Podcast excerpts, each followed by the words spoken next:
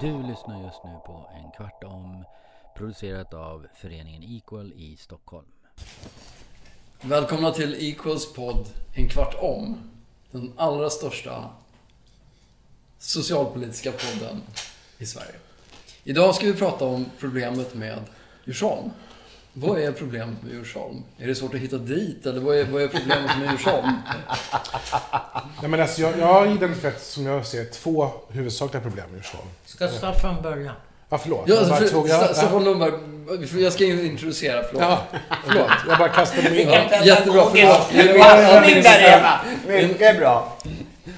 Staffan Lundberg är här, liksom Per, per Strandbäck och Eva Fuchs och jag heter Magnus Hörnqvist som leder det här samtalet. Och Staffan Lundgren är också här. Stefan Lundgren, förlåt. Stefan Lundgren. Ja, Vad är problemet med Djursholm, Staffan? Eh, nej, men jag, jag tänker att jag hu- två huvudsakliga problem. Det ena är att det är, alltså det är väldigt långt till närmsta självmack. Eh, och det andra är att, som jag upplever det också, att det är väldigt svårt att hålla gräsmattorna gröna långt in på hösten.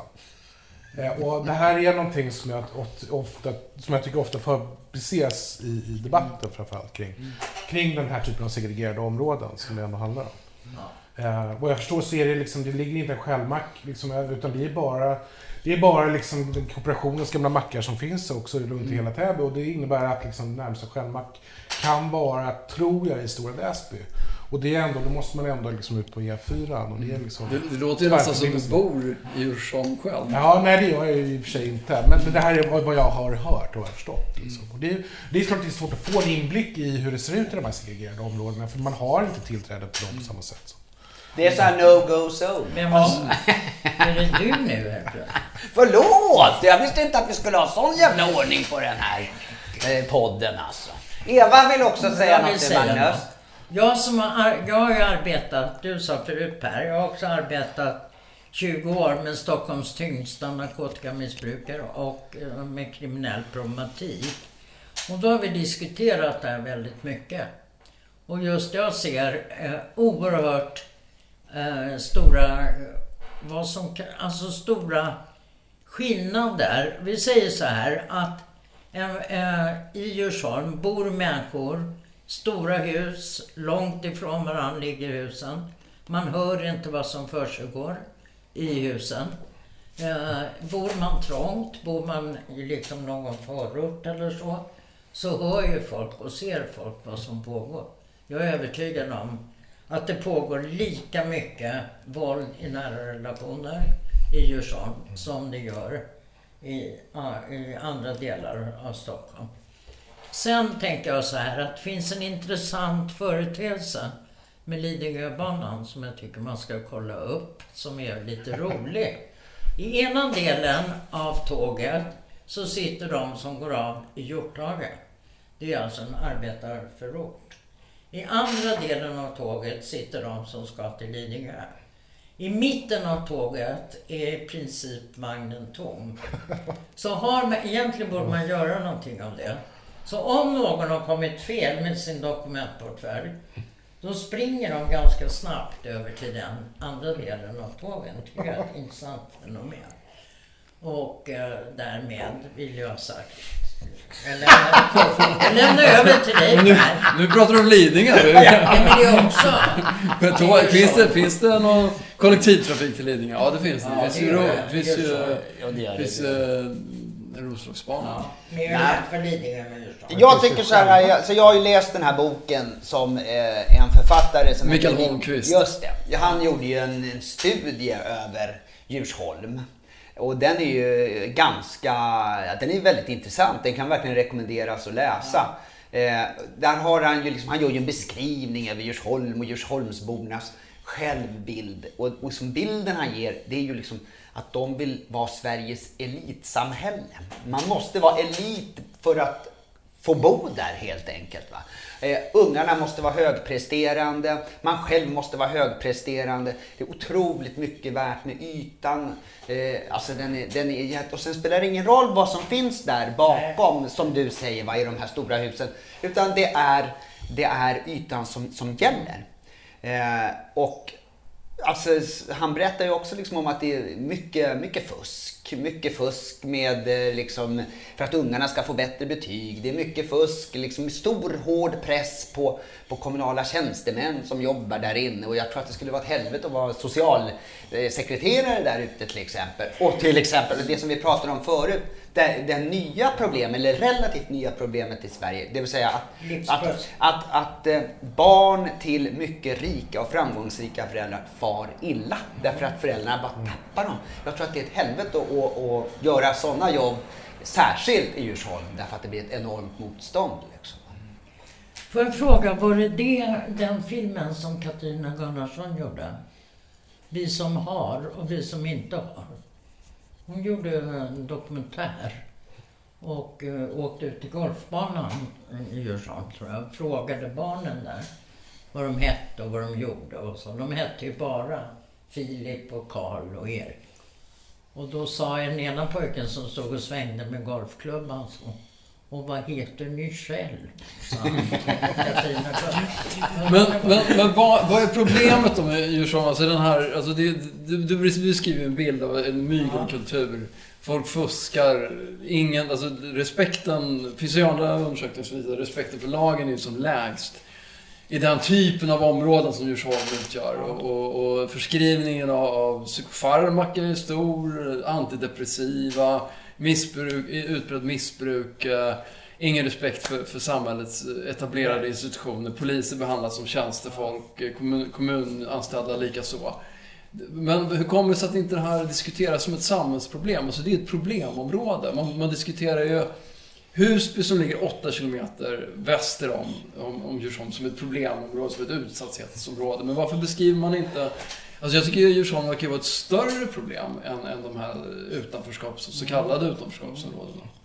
Ja, och samtidigt så, är, så, så slår jag vad om liksom att det är färre folk som skjuts i, i Djursholm så att säga. Va? Så, att, mm. så att till exempel, det pågår inga gängkrig där liksom. Men, och det är också en mera ska säga, accepterad form av kriminalitet och kanske felaktiga normer och sådana grejer. Alltså det, det, det, finns en ekonomisk brottslighet, jag tror det är hundra på att det finns en bidragsbrottslighet, en skattebrottslighet, hela det här köret. Va?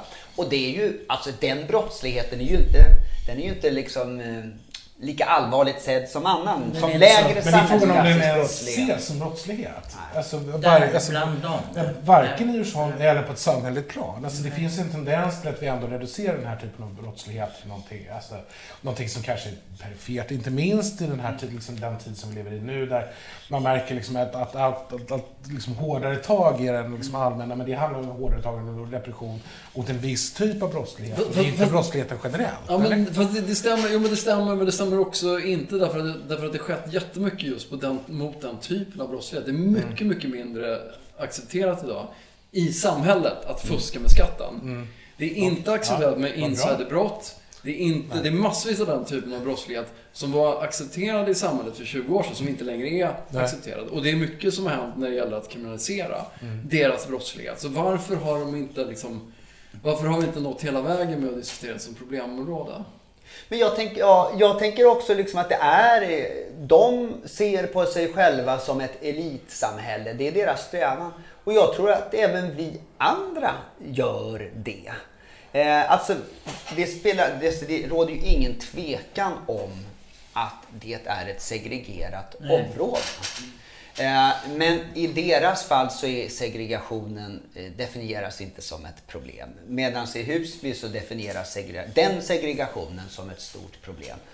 Så att, eh, och jag, kan inte, alltså jag, tycker det är, jag tycker det är svårt att sätta fingret på vad som är problemet med vad som är problemet med Djursholm. Men jag tror att det kanske är självaste att de befinner sig i den absoluta toppen av samhället och de glider ifrån oss andra. Eh, och så, samtidigt så befinner sig eh, alltså Husby och andra områden i andra ändan och de glider också. De glider neråt och Djursholm glider uppåt. Och det där gör liksom att skillnaden i samhället blir större. Men mellan, jag, större mellan de som har och de som inte men har. får jag fråga, är det svårare att få det publicerat i, i media? Är det svårare att få fram? De skillnaderna och de stora eh, skillnaderna mellan att de rika blir rikare och de fattigare blir fattigare? Alltså det, alltså det publiceras ju ständiga rapporter om det. Utav OECD, utav alltså, men- alltså jättekända. Ja, men det där är men, men, ja. är det ett problem? Ja, nej, alltså det Ja, men det är definieras väldigt inte som ett intressant. problem. Nej, men det är väldigt intressant. Om det är så, vi hela tiden har en liksom, det kommer kontinuerligt rapporter om detta fenomen. Samhället dras isär, det vet vi genom statistik. Allt från ekonomisk till, antar jag, också sociologisk forskning visar detta. Eh, och eh, Magnus, du säger då att, nej, men att värderingarna har förändrats här så att man idag i större utsträckning då ser detta som ett liksom, kriminalitet, den typen av brottslighet som tidigare kanske inte sågs. Det vill säga allt som har att göra med liksom, ekonomisk brottslighet, insiderbrottslighet liksom, och den typen av frågor. Men då är frågan liksom, hur kan det här då fortgå, så att säga? Vad är det som gör att det här ändå, så att säga, varför är det då att man anser sig stå över lagen? Det vill säga att man överhuvudtaget inte är en del av samhället längre. Alltså har det gått så långt? Precis som om man pratar om att det, är liksom, det finns strukturer och mekanismer inom, inom, i, i de liksom, områden som kallas för utanförskapsområden, där inte de samhälleliga normerna längre är de rådande. Är det på samma sätt då, så säger de övre skikten? Helt enkelt att man inte liksom, så säga, underkastar sig då liksom lagen, att denna lag är inte tillämpbar på mig. För där skulle jag vilja Alltså, för det är ju också i så fall så att det både har att göra med en liksom ekonomisk men också liksom en normförskjutning liksom generellt. Jag- Det här är inte liksom, okej, det, det här det är inte tillämpbart på mig. Men jag skulle Förlåt. vilja fråga en sak då. För att min uppfattning är att överklassen har en sämre tillit till rättssystemet. Men det är min uppfattning, nu vet inte jag, att Sverige är inte så genomsyrat av korruption. Alltså är det så att överklassen kan köpa sig fri ifrån olika eh, liksom, brott de har begått i Jag så? tänker så här, då vill jag säga så här, eh, att det finns återkommande undersökningar över eh, antalet eh, narkotikabrott, hur mycket narkotika som, som konsumeras utav unga människor i Stockholm. Hur mycket alkohol och hur mycket narkotika som, som, som konsumeras. Och då blir det, alltså i år efter år så är det Östermalm som leder den här, den här ligan utav Stockholms olika stadsdelar. Och samtidigt så vet ju jag att det är ytterst, ytterst få Östermalmsbor som sitter i fängelse eller som är på behandlingshem eller sådana saker som i alla fall vi hör talas om. Va? Så det där, och det där tycker jag är ett tecken på att det eh, Ja, det är ett tecken tycker jag på, att, på dels på ett, att klassamhället är starkt i sig och att man som överklass har otroligt mycket mera bra förutsättningar än vad underklassen har. Mer, ja, så att där tror jag att vi inte är lika inför lagen. Jag tror också att, att, polisen är mycket, mycket eh, mer sällan på Östermalm och, och jagar narkomaner än vad de är i, eh, i Stockholms norra och södra förorter. Liksom. Men jag håller med dig Per. Alltså polisbilen frekventerar ju kanske Djursholm en gång var tredje månad. På andra områden fem gånger om dagen. Ja. Det blir ju så. Va? Men jag vet inte om jag är fel ute när jag säger att om, och när jag läser liksom om andra länder i Europa, att de är mera korrupt, alltså rätts... För jag fick för mig att det är brottet som också ökar i övergrepp i rättssak. Uh, rätta mig om jag har fel. Men att överklass, jag vet ju inte.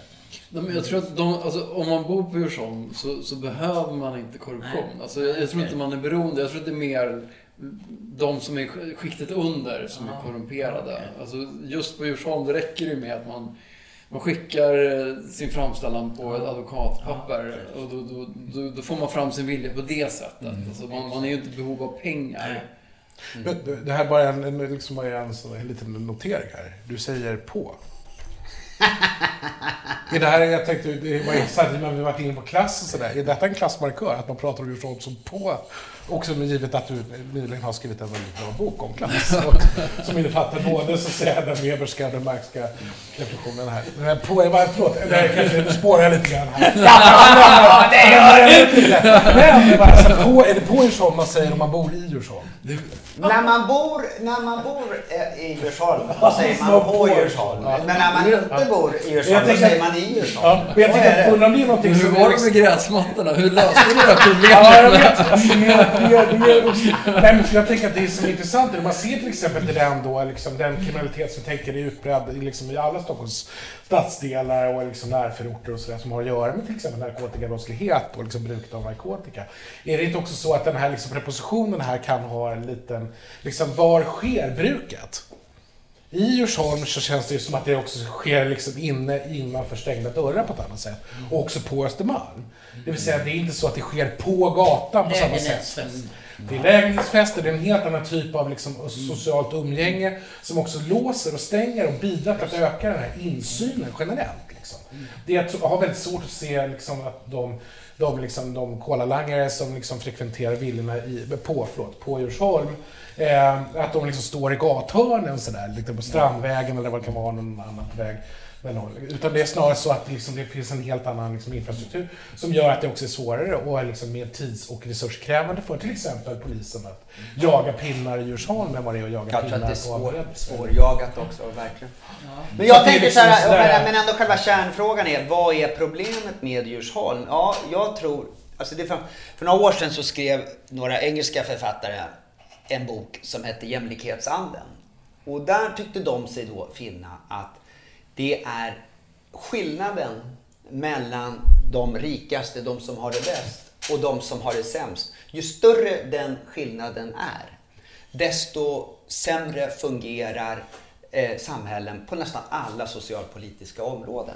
De pratar om eh, en social eh, ångest, så att säga. Att det skapar alltså de här stora ojämlikheter, stora skillnader i inkomst skapar eh, en oerhört dålig hälsa, ett dåligt mående för folk som gör att många människor slår bakut.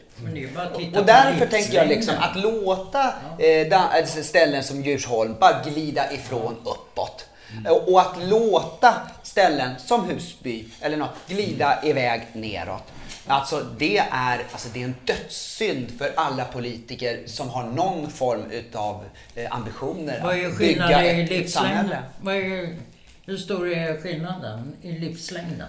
Alltså jag, jag, livslängden är ju, jag tror den skiljer mellan Lidingö, jag vet mellan Lidingö som vi pratade om förut då, och den är nog snäppet längre i Djursholm, men mellan, mellan Lidingö och eh, Alby. Och Alby så är det alltså 10 bast. Det är, liksom, det är också ett talande, talande för ett klassamhälle. Alltså. Fruktansvärt. Ja, snacka om att dra en röd linje. Mm. Och jag ber om ursäkt att jag tog Lidingö. Men jag tänkte... det, jag tror att det var ju det här Sak, de ser likadana ut, problemet. Men problemet, jag frågade om problemet var att hitta till Djursholm. Du skulle ju inte hitta, du skulle åka till Lidingö. Roslagsbanan, in till Lidingö bara. Nu, nu mina vänner, Staffan, Per, Eva, jag måste tacka för att nu har det gått en kvart. Och eh, Equals podd om en kvart, i en kvart, en kvart om, är nu slut för denna gången. Tack! Tack, Tack, Magnus.